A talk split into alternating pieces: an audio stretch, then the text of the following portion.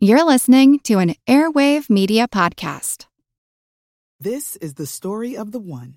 As head of maintenance at a concert hall, he knows the show must always go on. That's why he works behind the scenes, ensuring every light is working, the HVAC is humming, and his facility shines. With Grainger's supplies and solutions for every challenge he faces, plus 24 7 customer support, his venue never misses a beat. Call quickgranger.com or just stop by. Grainger, for the ones who get it done.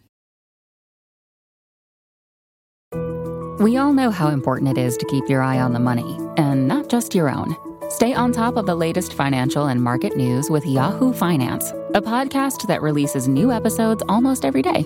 You'll hear a brief overview of the biggest news in the financial world, all in three minutes or less, right after markets close. Check out Yahoo Finance wherever you get your podcasts. That's Yahoo Finance wherever you get your podcasts. Hey, folks, it's Ben here with a very exciting announcement. We're starting a podcast network. Now, this is something that's been a long time in the making. For years, listeners have been asking me to expand into a full network, and I've had literally dozens of guests on Kickass News who've asked me to help them launch their own podcasts. So I'm finally doing it.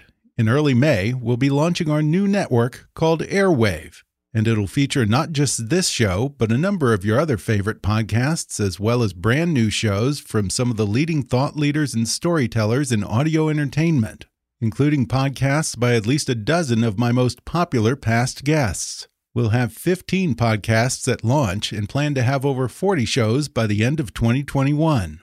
Over the next few weeks, I'll be sharing more details about those specific shows, so subscribe to us on Twitter and Facebook at Airwave Podcasts. But in the meantime, I'm going to ask something from you that I haven't asked since this show began six years ago. I'm going to ask for your support please visit our fundraiser page at gofundme.com slash airwave to help raise money for this project. I'm putting an awful lot of my own money into covering the startup costs of this new venture, but we need additional financial support to cover our full production slate for 2021. There are a lot of costs associated with every show that we're producing, including editing, audio mixing, feed hosting, writing, and equipment. It takes a lot to make a show like Kick Ass News, now just imagine that times 15, 20, or more. The more funds we raise, the more shows we'll be able to put out. So please help me make Airwave as great as it can possibly be.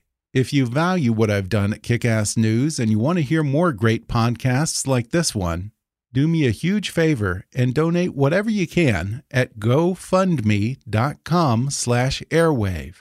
That's gofundme, G-O-F-U-N-D-M-E dot com slash A-I-R-W-A-V-E.